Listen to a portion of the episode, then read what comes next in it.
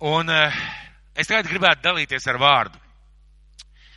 Jūs zināt, ka mēs tikko šajās dienās izvēlējāmies prezidentu. Mēs ievēlējām kādu cilvēku, saimi ievēlēja šo prezidentu, nebija tik vienkārši, bet tik ievēlēts uh, cilvēks, kuru lielākā daļa Latvijas sabiedrības uzskata par atbilstošu, uh, atbilstošu cilvēku šim te amatam. Un uh, tika vērtēts viss, viņa, tika vērtēta viņa personība, tika vērtēta viņa izglītība, tika vērtēta viņa pieredze, uh, Un šis cilvēks tika atzīsts par cienīgu politiķu, un es domāju, arī daudz mūsu acīs būt par valsts prezidentu un pārstāvēt mūsu valsti. Un es tiešām, es personīgi tiešām priecājos par šo cilvēku, par viņa attieksmi, par to, ka, kā, kā galvenā viņa vērtība, jeb kā galvenā viņa rakstura būtība vai īpašība eh, tika atzīmēts tas, ka viņš ir patiesas Latvijas patriots. Un īstenībā ar to arī, laikam, viss sākās, jo tikai izglītība neko nedod. Bet viens no kritērijiem, kas ir, eh, lai izvirzītu, kāds cilvēks kļūtu par valsts prezidentu, ir uh, vecums. Un, ja nemaldos, ja kāds var, eh, ja, ja es maldos, palabojiet mani, tad tas ir 40 gadi. Ne jaunāks par 40 gadiem. Vai tā ir? Tā ir, jā, pareizi. Tātad, tu vari būt izcils, tu vari būt lielisks, ja tev nav 40 gadi, tu nevar būt par prezidentu. Uh, kad es dienēju, kad es gāju padomju armijā, ziniet, visiem puišiem bija tāda vēlēšanās būt tajā labākajā armijas daļā. Nu, tajā uh, desantniekos, nu, ziniet, tur kā, kā saskatās filmās, ja lec no lidmašīnas ar izpatņiem un, un, un, nezinu, ar, uz tanka skrien ar granātu un tanku apgāž, visādas brīnums dara, ja?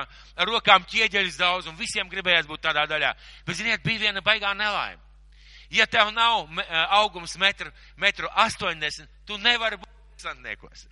Labākā gadījumā te var aizsūtīt uz zemūdeni vai vēl kaut kur, bet tu nevari būt desantnieks šajā nodaļā, jo tavs augums tev to neatļauj. Lai varētu mācīties maģistratūrā, un vakar mēs bijām kādā izlaidumā, kur bija bakalaura saņēma diplomus un maģistri, un man bija ļoti interesanti vērot, kā maģistriem viņiem apliek tādas kapuces. Viņi nometās uz vienu ceļa un pasniedzēja uzliek viņiem tādu kapuci aiz muguras. Kāds zina, varbūt šo ir redzējis vai pats varbūt piedzīvojis, bet redziet, lai tu kļūtu par maģistru, te ir vajadzīga vidusskolas izglītība. Un, lai tu kļūtu par, lai, par, par maģistru, tev vajadzīgs pēc tam arī šī te uh, bakalaura izglītība. Tu nevari vienkārši no sastās klases startēt par maģistru. Tev vienkārši neviens neņems pareizi. Tad ir kaut kādi nosacījumi. Un ir organizācijas, kurās, lai tu varētu darboties, tev noteikti ir jābūt vai nu precētam, vai neprecētam. Ir organizācijas, kas ir tieši neprecētiem cilvēkiem, ir organizācijas, kas tikai precētiem, un ja tu esi precējies, tev paspiež roku, tu pasaki, ka tu esi labs cilvēks, piedod, bet šajā klubiņā ir tikai neprecēti cilvēki. Un uh, mēs redzam uz ceļiem bieži vien arī tādus uh, motobraucējus. Ja? Um, nezinu, man bērnībā, ja jaunībā bija sapnis par motociklu, man pat viņš bija, nu tā kā šie vīri braukātāji, es nebraukāju, tas bija tāds vienkāršāks mocis un daudz arī nebrauc, bet mēs daudz esam redzējušies motociklistus.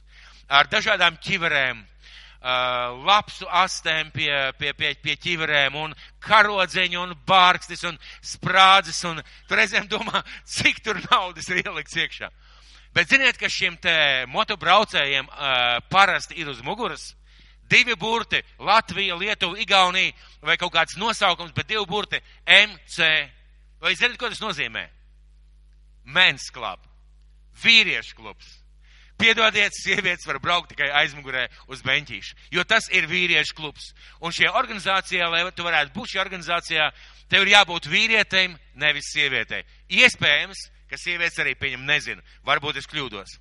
Un ir mācība programmas augstskolās tāpat kurās, uh, lai tu varētu mācīties šajā programmā, un tās programmas ļoti daudz maksā, tev ir jābūt vismaz piecu gadu pieredzēji, jeb stāžam vadošā amatā. Tu vari būt izcils, tev var būt nauda, tev var būt pazīšanās, bet ja tev nav, ja tu nevari parādīt savos papīros vai CV pieci gadi stāžu vadošā amatā, tev šeit skolā vienkārši nepieņem. Tu vienkārši nekvalificējies šai skolai. Uh, un ir organizācijas, kurās uh, mēs varētu būt tikai tad, ja mums ir konkrēts daudzums naudas. Ziniet, miljonāru klubiņš. Un ir tādi klubiņi. Ir jābūt konkrētam daudzumam naudas, lai tu varētu būt šajā klubiņā. Kāpēc es to visu stāstu? Kāpēc es to visu saku? Pateicību un slavu Dievam, ka lai mēs būtu derīgi Dievu valstībai, nav tāda noteikuma. Nav vecuma cenza, nav izglītības cenza, nav dzimuma cenza, nav ģimenes stāvokļa cenza, nav naudas eh, cenza, nav nekā tāda, kas ierobežot. Un, ziniet, pasaules vēsturē, ja mēs skatāmies pasaules vēsturi, lasām, mēs varam būt tikai pārsteigti, kādus cilvēkus Dievs tikai nav lietojis. Ārkārtīgi asketisks, ārkārtīgi bagāts, ārkārtīgi izglītots, ārkārtīgi vienkāršs. Sievietes, vīrieši, dažādos vecumos, un mēs to skatāmies, varam ieraudzīt, ka Dieva valstībā nav ierobežojumi ne vecumam, ne cenzām, ne bagātībai, ne naudai. Bet, ziniet, ir viens izšķirošs aspekts, kāda ļoti svarīga lieta, kāda ārkārtīgi būtiska nianse, kas izšķir, vai cilvēks ir derīgs Dieva valstībai, vai cilvēks nav derīgs Dieva valstībai. Un es nerunāju par glābšanu. Glābšanu var piedzīvot cilvēks, kurš pēdējā mirklī uz nāves gultas nožēlo, nožēlot grēks un lūdz Dievu piedošanu. Bet, lai būtu derīgs Dieva valstībā, atnest augļus, eh, pārstāvēt Dieva valstību, būt Dieva valstības pilsonis, ja tā varētu teikt, ir kaut kāds ļoti svarīgs aspekts, par ko mums šodien vajadzētu parunāt. Mēs runājām par māceklību. Mēs daudz runājam par māceklību. Mēs runājam, ka māceklība ir alga, ka māceklība maksā. Mēs runājam par lietām, eh, ko māceklis dara un kādā veidā viņš dara. Un šodien es gribu dalīties ar vārdu derēt Dieva valstībai. Tā arī varat pierakstīt derēt Dieva valstībai. Kāds man uzdos jautājumu, vai var nederēt Dieva valstībai? Kā jūs domājat, vai var nederēt Dieva valstībai? Kā jūs domājat, vai Jēzus teica kaut ko tādu, kam nav pamats? Labs jautājums, domāsim par to. Un vispirms, uh, derīgs Dievu valstībai. Mīļie draugi, paskatīsimies uz vārdiem Dievu valstību. Iedomājieties, cik augsts aicinājums Dievs, debes un zemes kungs, aicina tevi savā valstībā. Tas nav prezidents, tā nav Amerika. Mēs bieži vien ieciklējamies savā valstī vai savā ekonomiskajā situācijā, bet pakāpsimies bišķi malā un uzlidosim kosmosā un paskatīsimies uz planētu Zeme. Bībele saka, ka Dievs to radīja, ka Dievs to pārvalda, ka Dievs ir pār to un iedomājies Dievs. Šis Dievs, kas valda un pārvalda šīs lietas, viņš aicina tevi savā valstībā. Viņš aicina tevi kļūt par savu uh, bērnu, par savu misionāru, par to cilvēku, kuru uz kara viņš liek autoritāti un atbildību par šo zemi. Tātad Dievs ir tas, uh, aicina. Un uh, otra lieta - valstība. Valstība nozīmē ķēniņu valsts. Vara, autoritāte, šis te aicinājums pasaulē, tātad Dieva valstība. Un Dievs var aicināt, un Dievs aicina visus cilvēkus savā valstībā. Un mēs zinām, ka daudz cilvēku neatsaucās, daudz cilvēku neiet šajā valstībā, daudz cilvēku it kā piemetušies maliņā un it kā piemeldējušies, piemeldējušies pie Dieva valstības, bet vai Dievs tā vēlētos? Un ziniet, ir kāda lieta, ko ļoti svarīgi mums ieraudzīt un šodien saprast. Nezinu, vai esat kādreiz domājuši, bet kad uh, Bībele runā par Jēzus otro atnākšanu, ziniet, ko tā Bībele pasaka? Vienā stundā viss mainīsies. Es nedomāju tieši par stundu kā par laiku, ka vienas stundas laikā. Bet vienā mirklī mainīsies pilnīgi viss. Mainīsies tas, kā cilvēki redzēs nākotni, pagātni un tagad. Mainīsies, kā cilvēki vispār dzīvos. Mainīsies tas, ka Kristus atnāks šo zemi un visi pasauli ieraudzīs, ka viņš ir Dieva dēls. Vienā stundā viss mainīsies. Un tajā stundā izrādīsies tik svarīgi, lai mēs ar jums būtu šajā debesu valstībā, būtu bijuši derīgi un mēs stāvētu ar abām kājām šajā valstībā. Tad vispirms, kas ir Dieva valstība? Šeit uz zemes vēl ne mūžībā. Dieva valstība cilvēku dzīvē, jeb Dieva valstība, jeb cilvēks, kurš aicinās Dieva valstībā, tas nozīmē, ka Dievs pats viņa dzīvē. Padomāsim par šiem vārdiem. Dieva valstība sākās ar viņu pašu. Ja viņš ir manā dzīvē, ja viņš ir mans Dievs, Tas ir sākums Dieva valstībai. Ja esmu atdevis viņam savu dzīvi, ja esmu nožēlojis grēkus, ja esmu viņam uzticējis savu dzīvi, viņš un viņš ir mans Dievs. Ja šeit stāvot uz, pie, uh, uz skatu pie zālē, sēžot, un uz kādu skatos ir vārdi, tu esi mans Dievs, es varu tā arī teikt. Es nevis dziedāt līdzi vārdiem, bet es tā arī varu teikt, tu esi mans Dievs. Ar to sākās Dieva valstība cilvēka dzīvē. kā mans Dievs. Otra lieta, kas ir attiecības ar viņu, tas nozīmē, ka es piedzīvoju viņa klātbūtni. Es piedzīvoju viņa balsi savā dzīvē. Es sajūtu, redzu un e, jūtu, kā svētais gars man vada, un man ir kāda konkrēts ceļš manā dzīvē.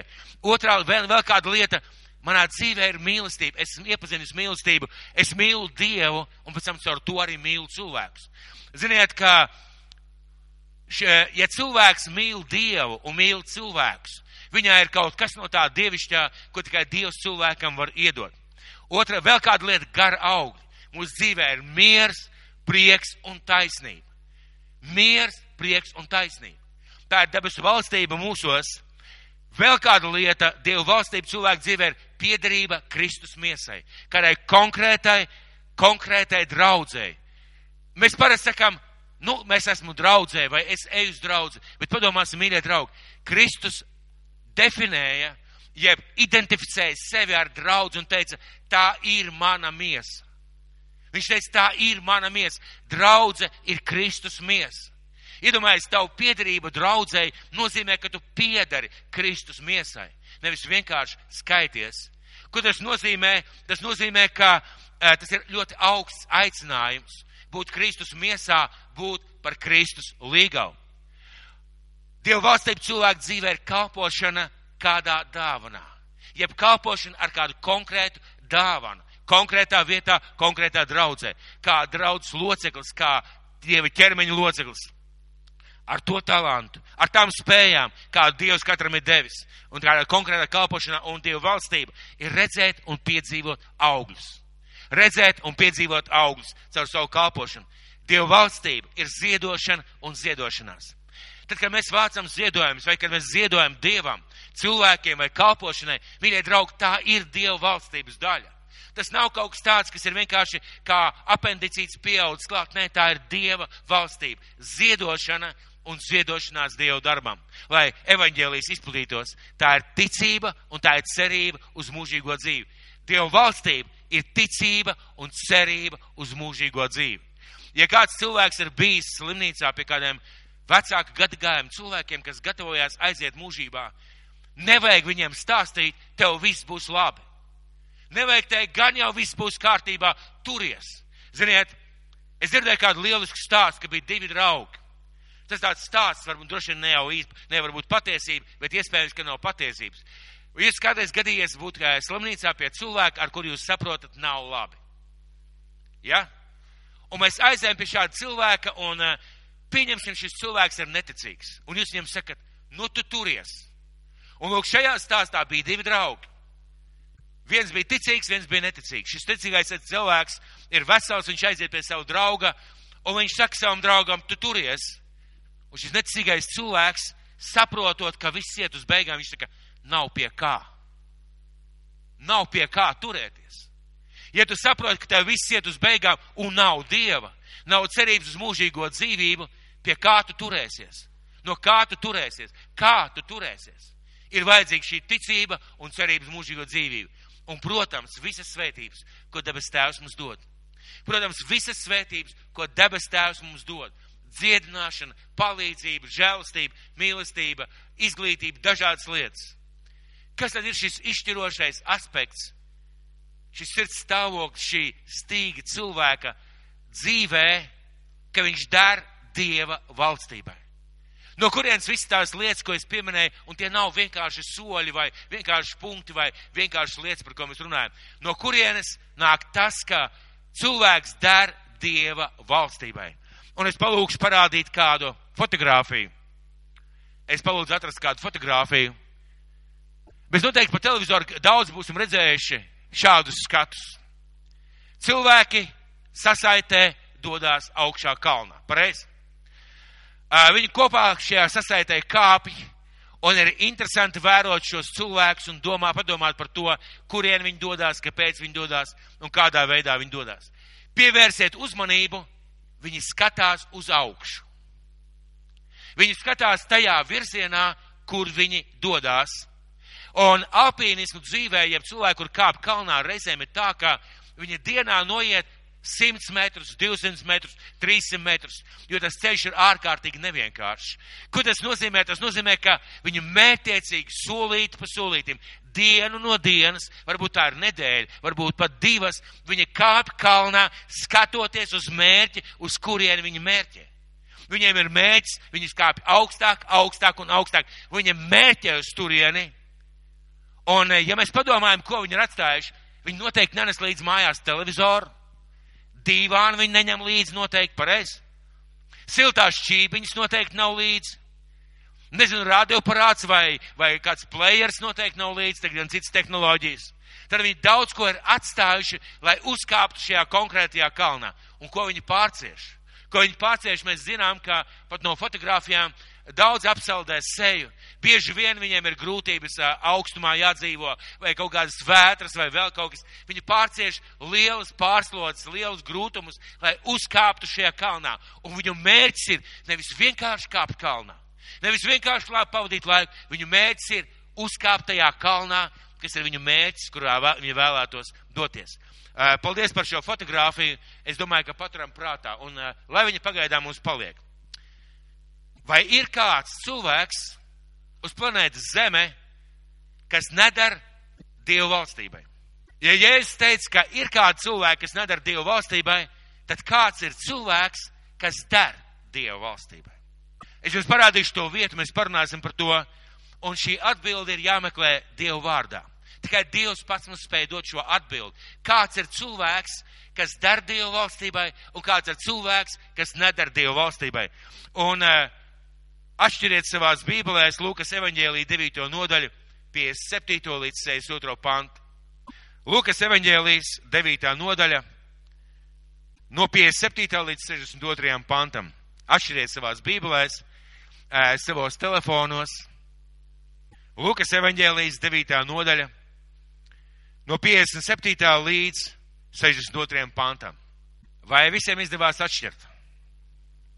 Nākošais ņemam līdzi Bībeles, labi?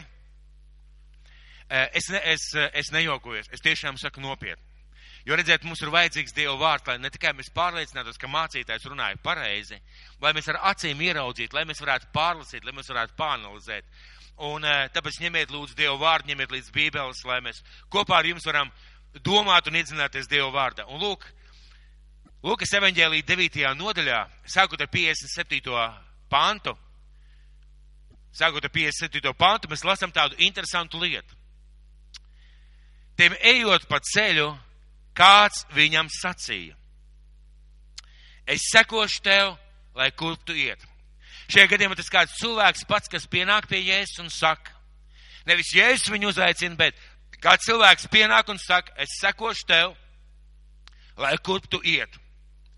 Jēzus tam teica, lapsām ir alas, debes putniem līgstas, bet cilvēku dēlam nav kur galvu nolikt. Ļoti interesanti. Mēs šodien teiktu tā, ja kāds atnāk un saka, uh, mācītāji, es gribu būt jūsu draudzē. Mēs visi esam ļoti priecīgi, pareizi? Iedomājieties, kāds pirms atnāk, es gribu būt tavā kalpošanā, palīdzēt tev. Mēs teikt, halleluja, slavā Dievam, paldies Dievam, priecājos tev redzēt. Kāpēc Jēzus pasaka vārdus? Kāpēc Jēzus pasaka vārdus? Lapsām ir alas, debesu putniem ir līgstas, bet cilvēku dēlam nav kur galvu nolikt. Kā jūs domājat, kāpēc viņš uzdod šo jautājumu, jeb kāpēc viņa jēzus atbild ir tāda? Uz cilvēku labu vēlēšanos es gribu tev sekot. Kāpēc? Mēs zinām, ka Jēzus pazina cilvēku sirdis. Jēzus lasīja starp rindiņām tām lietām, ko cilvēki teica. Un šajā vietā viņš parāda šim cilvēkam, tu neesi izrēķinājis izdevumus par sekošanu man. Tu neesi pareiķinājis, cik tev maksās, un iespējams, ka šis cilvēks, un Mateja evaņģēlijas saka, ka tas bija rakstu mācītājs, iespējams, ka šis cilvēks, viņš gribēja popularitāti. Viņš gribēja būt kopā ar Jēzu. Viņš gribēja īpašu statusu, viņš gribēja kaut kādu atzinību no cilvēku acīm, viņš gribēja pārticību, materiālo svētību, un tad viņš bija gatavs sekot. Un, ja es saku, zini, tā kā es eju, tā kā es staigāju, lapsām ir alas, putniem ir līgstas, man nav kur galvu nolikt. Vai Jēzus sūdzējās? Nē. Viņš šim cilvēkam parāda, zini, mīļais draugs, ja tu meklē pārticību, ja tu meklē veiksmi, izdošanos, brīnišķīgu sakārtotību, komfortu savā dzīvē, sekot man nav īstā vieta. Sekot man, staigāt man, būt par manu mācekli, nav īstais veids, nav īstais veids, kādā veidā dzīvot savu, savu dzīvi. Tu tāds man nevari sekot. Cik daudz no mums, kristiešiem, uh, bieži vien saka tā, uh, jūs ziniet, ka daudz cilvēku, uh, man, man iespēja runāt ar daudziem, daudz konfesiju vadītājiem, mācītājiem, vienkārši tā tā mācītāja privilēģija. Un ziniet, ko visās konfesijās visi vadītāji saka, mums pietrūkst kalpotāji. Kā jūs domājat, kāpēc? Vai Dievs neaicina cilvēkus? Vai Dievs nerunā uz cilvēkiem? Kā jūs domājat? Ja Dievs grib glābt cilvēkus, tas nozīmē, ka ir vajadzīgi kalpotāji, sludinātāji, evaņģēlisti. Vai Dievs nerunā uz cilvēkiem? Kā jūs domājat? Kur ir problēma? Ziniet, kā atbild jauni cilvēki? Es negribu būt nabaks. Esat dzirdējuši tādu atbildi? Ja es kalpošu Dievam, es noteikti būšu nabaks. Tā ir tā mentalitāte, kā cilvēki domā. Es labprāt kalpotu Dievam, Bet es taču negribu būt nabaks. Es taču negribu no kaut kā atteikties. Es taču negribu kaut ko atstāt. Es taču negribu braukt ar vecu mašīnu. Es gribu braukt ar labu mašīnu. Es gribu dzīvot labā dzīvoklī. Es gribu pelnīt labu augu. Es gribu labu statusu, lai kāds cits izvēlas šo darbu. Un ja es šajā vietā šim cilvēkam pasaku, tu gribi labu dzīvi, tu gribi man sekot, brīnišķīga lieta. Bet tev ir jāzina, ka tev ir jāpareiķina tā cena, kas tev būs jāmaksā par to, ka tu man seko. Un es jau pieminēju, Iedomājieties, Kristus valstība, Kristus staigā pa šo zemi. Viņam tik unikāla iespēja sekot Kristum, dzirdēt viņu, būt kopā ar viņu.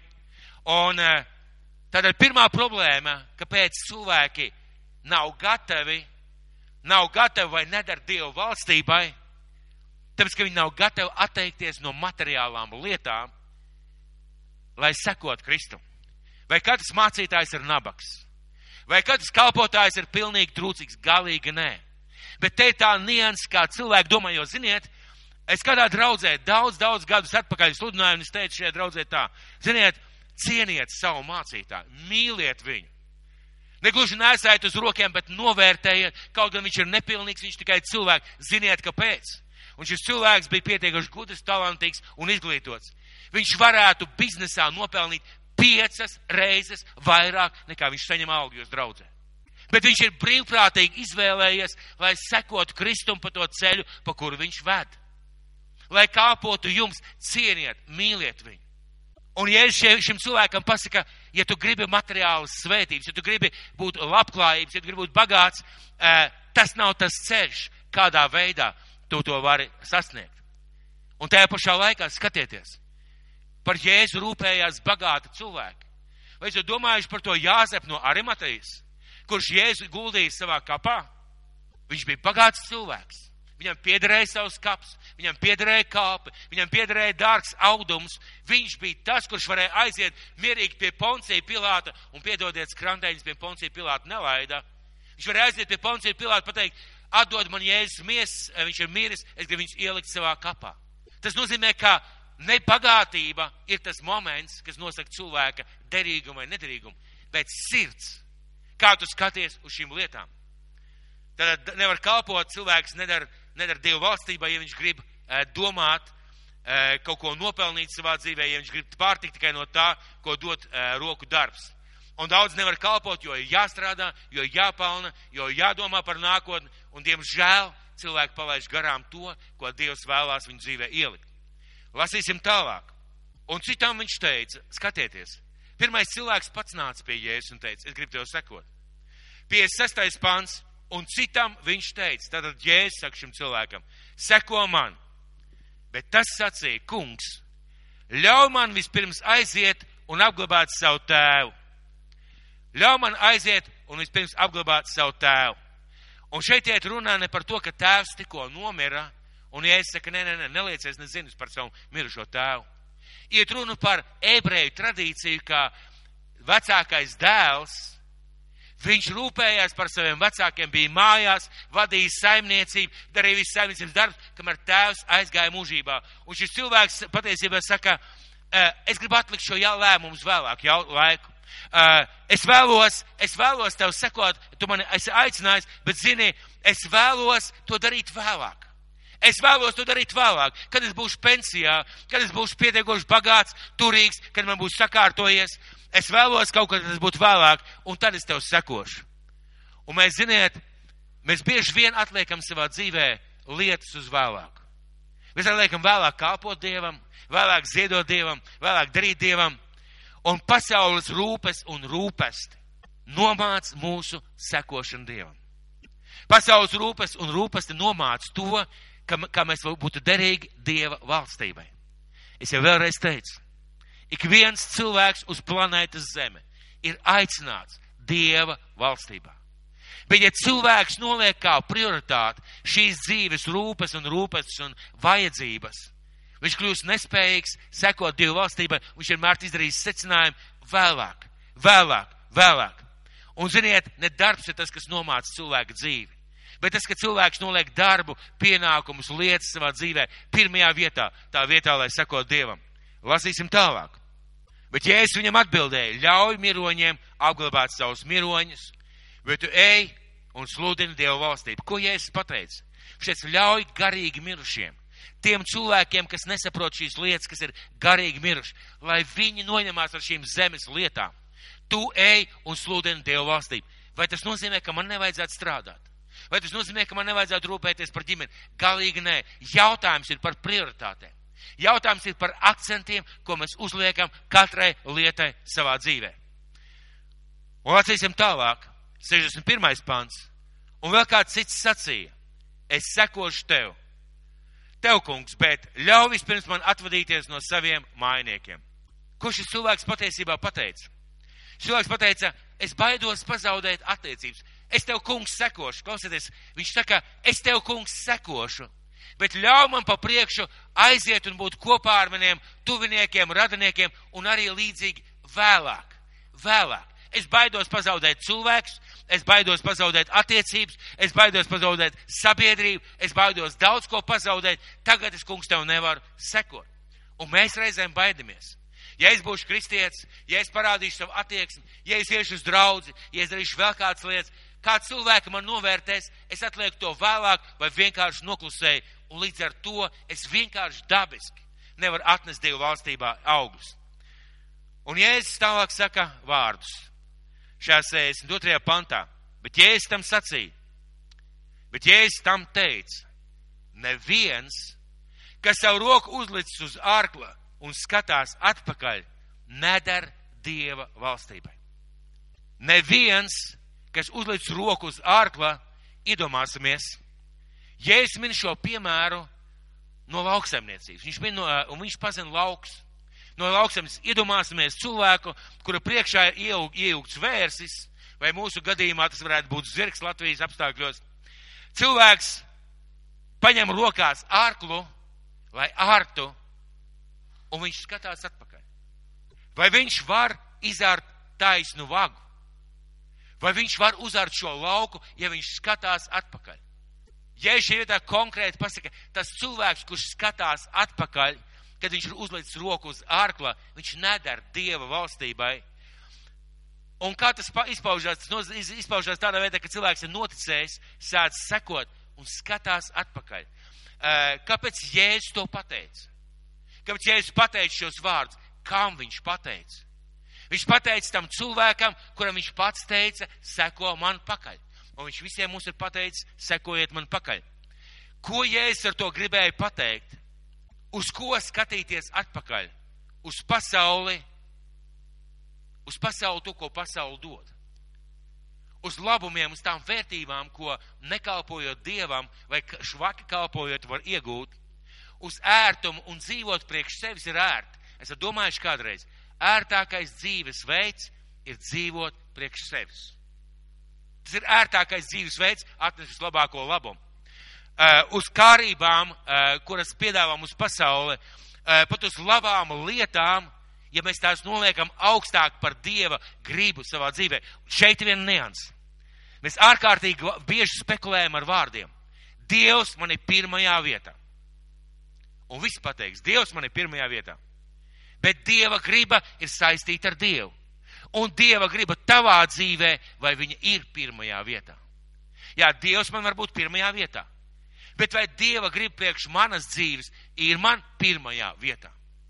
Vai es izvēlos darīt to, ko viņš man aicina darīt, iet tur, kur viņš man aicina iet, ziedot to, ko viņš man viņš aicina darīt, vai Dieva griba ir pirmajā vietā manā dzīvē?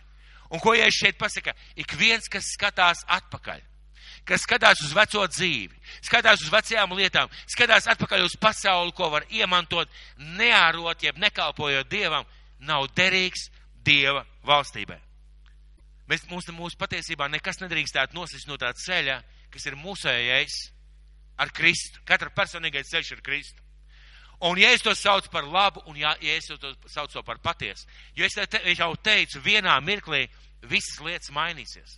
Vienā mirklī tie, kas, kurus uzskatīja pasauli par muļķiem, izrādīsies būt bijuši gudri.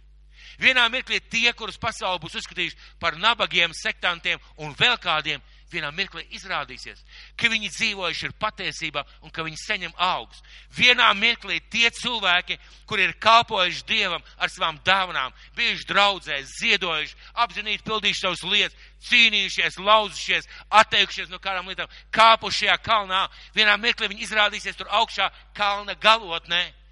Un tie, kas pa leju būs laistījušies pa atpūtas nometnēm, lai ja viņi uzkāp, pēc tam viņi nolaidīs uh, tre, um, šos te virvju trepes, mēs uzkāpsim augšā vēl labāk, lai viņi uzkāpj augšā un nolaiž lejā trosi. Un lai paši varētu pievienot tramvajiņu, mēs iesēdīsimies un lai mūs smalki uzvedina tur augšā. Un tajā mirklī izrādīsies, ka tā neiet. Tajā mirklī izrādīsies, ka katram personīgi bija jāuzkāp tajā kalnā. Un, ziniet, ja mēs skatāmies šo fotografiju, tad es personīgi to redzu tā, ka tas pirmais cilvēks, kurš iet, tam ir vislielākā pieredze, tā varētu teikt, vai zināšana, vai sapratne. Šī tāda iestaigāta turistu taka var redzēt. Bet ir tādi, tādi, tādi pārgājieni, tādi kalni, uz kuriem kāp tādos vienreizējos pārgājienos, ja vien, vienreizējs eksemplārs vai vienreizējs tāds gājiens, un tad parasti pa priekšu iet pieredzējušākais cilvēks, kurš iztauž šīs lietas. Kas mums iet pa priekšu? Mums pa priekšu iet Kristus, pareizi? Viņš mūs ved šai sasaitē. Redziet, satā, sasaiti, ja?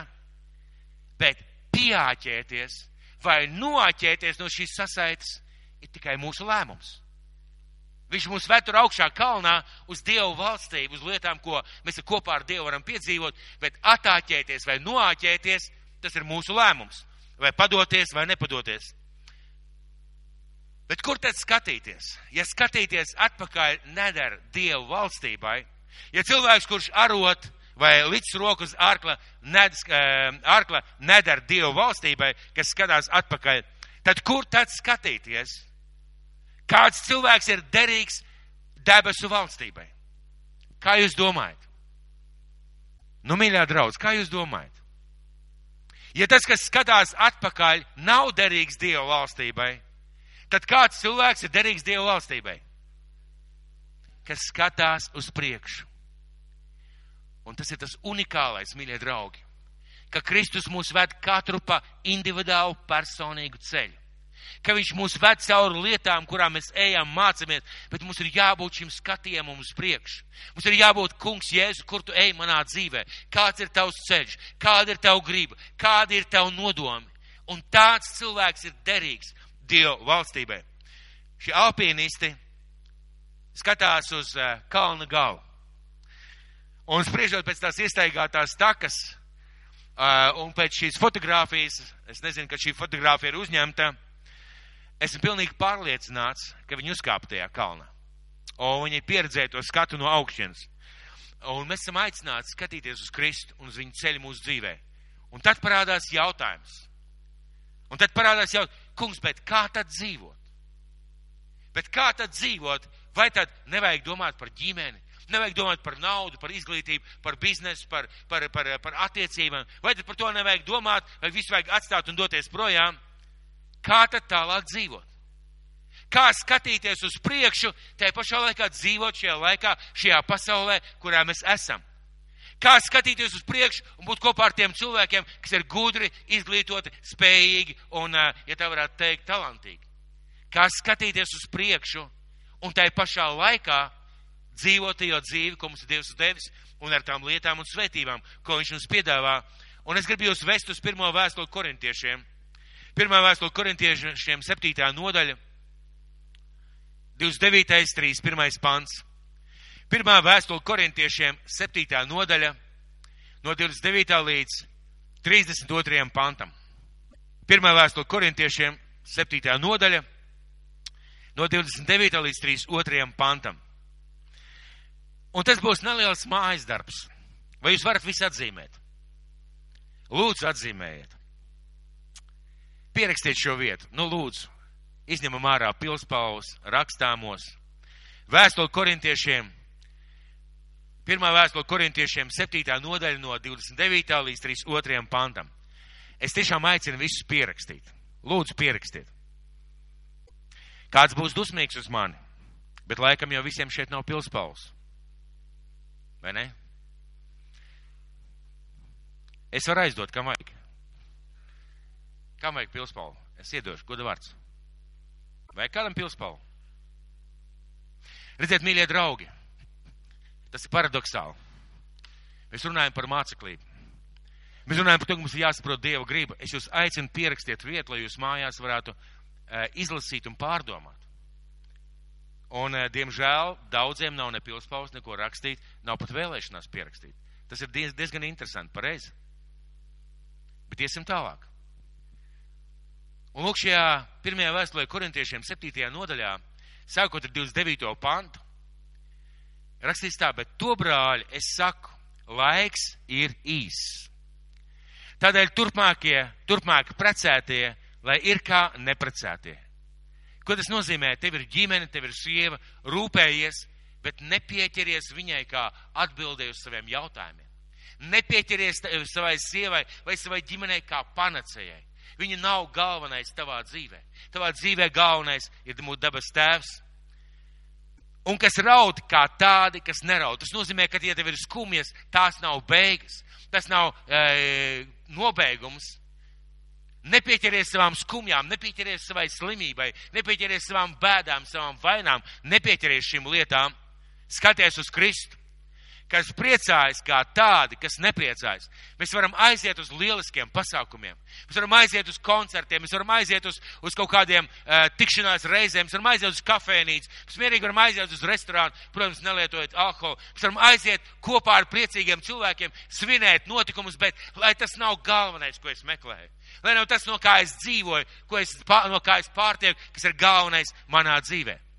Kas pērk kā tādi, kas to negrib paturēt kad tu pēc kādu lietu, kādu mašīnu, nezinu, televizoru, dzīvokli, vēl kaut kādu, ka tas nav viss tavā dzīvē. Tas nav viss tavā dzīvē, ar ko tu dzīvo. Tas nav tas, uz ko tu liec savu cerību, jo Dievs tev var dot un Dievs arī dos. Bet neliec uz to savu cerību. Ne, ne, ne, neļauj šai mantai kļūt par elku. Un Bībele saka, ka diviem kungiem kalpot nevar. Dievvārds skaidrs, ka diviem kungiem kalpot nevar. Vai nu kalposi mantai, vai tu kalposi Dievam. Diviem kungiem kalpot nevar. Un šajā vietā Pāvils saka, pat ja jūs pērkat, pat ja jums ir, pat ja jums pieder, nepieķerieties šai mantai. Un ka šo pasauli lieto kā tādi, kas to nelieto. Jo šīs pasaules iekārta beidzas. Šodien mums ir modernas tehnoloģijas, brīnišķīgi aparāti, telefoni, vēl dažādas lietas, internets, ļoti daudz dažādas interesantas lietas, izglītība, zināšanas, vēl kaut kas. Esam aicināti visu to lietot savā dzīvē. Bet ir tik nožēlojams tas cilvēks, kurš saka tā, ja man būs profesora grāts, mana dzīve būs sasniegt galamērķi. Tas ir mans galvenais mērķis iegūt profesora grādu. Mans galvenais mērķis būt superklases līderiem un vadītājiem. Mans galvenais mērķis ir sasniegt augstu izglītību, augstu izglītības standartus. Mans galvenais mērķis būt sabiedrībā pazīstamam cilvēkam. Un ja es saku, jūs to visu pasauli varat lietot, lietojiet viņu, bet nepieķerieties viņai. Jo šī pasaule vienā dienā beigsies, un tavai izglītībai un zināšanām, visam, ko tu esi lietojis veiksmīgi, vienā mirklī vienkārši pienāks balss. Gals. Un 3.2. pants, bet es gribu, ka jūs būtu bez zudīšanās, ka jūs būtu bez pieķeršanās šīm lietām. Nepieķerties šīm lietām. Un es jūs gribētu aicināt, mīļie draugi. Es lasīju šo vietu, kur Jēzus runāja cilvēkiem, un uh, man īpaši uzrunāja šie vārdi nedara Dievu valstību. Un es sāku domāt, kas ir tie standarti, kāds cilvēks nedara Dievu valstībai. Kā Dievs var lietot cilvēku, ja cilvēks neizmainās, ja viņš saka tā, ja mans vīrs neatgriezīsies, manai dzīvei nav jēga. Es visu savus pūliņus, savus cerības, visu savus, uh, visu savus lietas lieku tikai uz savu vīru. Kamēr viņš neatgriezīsies, es nenākšu uz draudz. Es nekalpošu Dievam, es nedošu Dievam desmito tiesu, es neko nedarīšu, jo manā ģimenē nav kārtība. Kāds cits varētu teikt, kāds cits varētu teikt, man ir jāparūpējas par manu namu, man ir jānopelna dzīvoklis, man jānopelna ģimene, man jāskārto lietas, man jānopelna laba mašīna, man jāpērk mocis, man jāizdara tas, tas, tas un tas. Kamēr manā dzīvē tas nav, es nevaru kalpot Dievam. Es nevaru piederēt Dievam, es nevaru viņam sekot, tur, ka viņš man aicina. Kāds izteiks, man ir svarīga sabiedrība, man ir svarīgas attiecības. Ja tas sabojā manas attiecības, ja tas sabojā manu kompāniju, manus tuviniekus, manu radinieks, ja mani radinieki mani sauc par tādu jocīgo, es neiešu uz baznīcu. Es nekalpošu Dievam. Un iesaka, tu jau uzliki rokas uz ārku. Tu jau atdevi Kristum savu dzīvi. Un šobrīd tu saki, nē, es skatos atpakaļ. Un iesaka, tāds nedara Dieva valstībai. Dieva valstībai ir aicināti visi. Nav vecuma cenza, nav sievietes, vīrietis, nav nabadzīgs, bagāts, turīgs. Jautājums ir par prioritātēm. Jautājums, vai tu vēlies ar savu dzīvi pagodināt Dievu? Jautājums ir, vai tu vēlies sekot viņam kā māceklis pa to ceļu, ko viņš tavā dzīvē ved. Un ziniet, es ļoti priecājos par mūsu vecajām māsām. Absolūts kompliments tām māsām, kuras ir lūkšanas kalpošanā.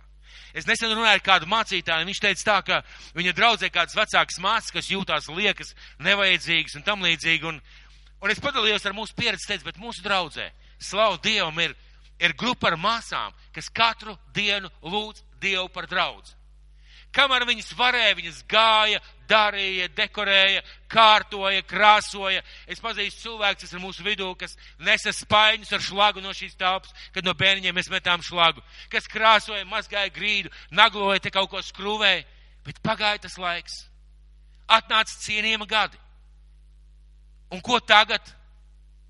Skatīties atpakaļ. Toreiz bija. Nē, skatāmies uz priekšu.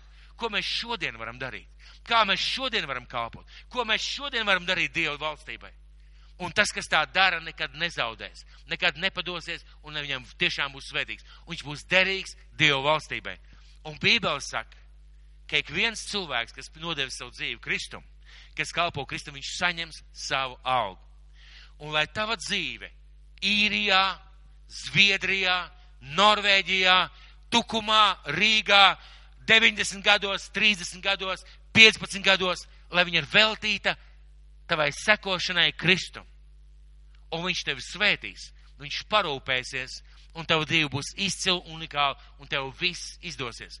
Jautājums ir par izvēli. Jautājums vienmēr ir par izvēli.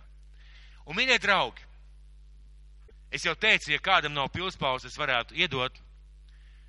Pāvila pirmā vēstule korintiešiem 29. līdz 32. pants. Pārdomājiet mājās.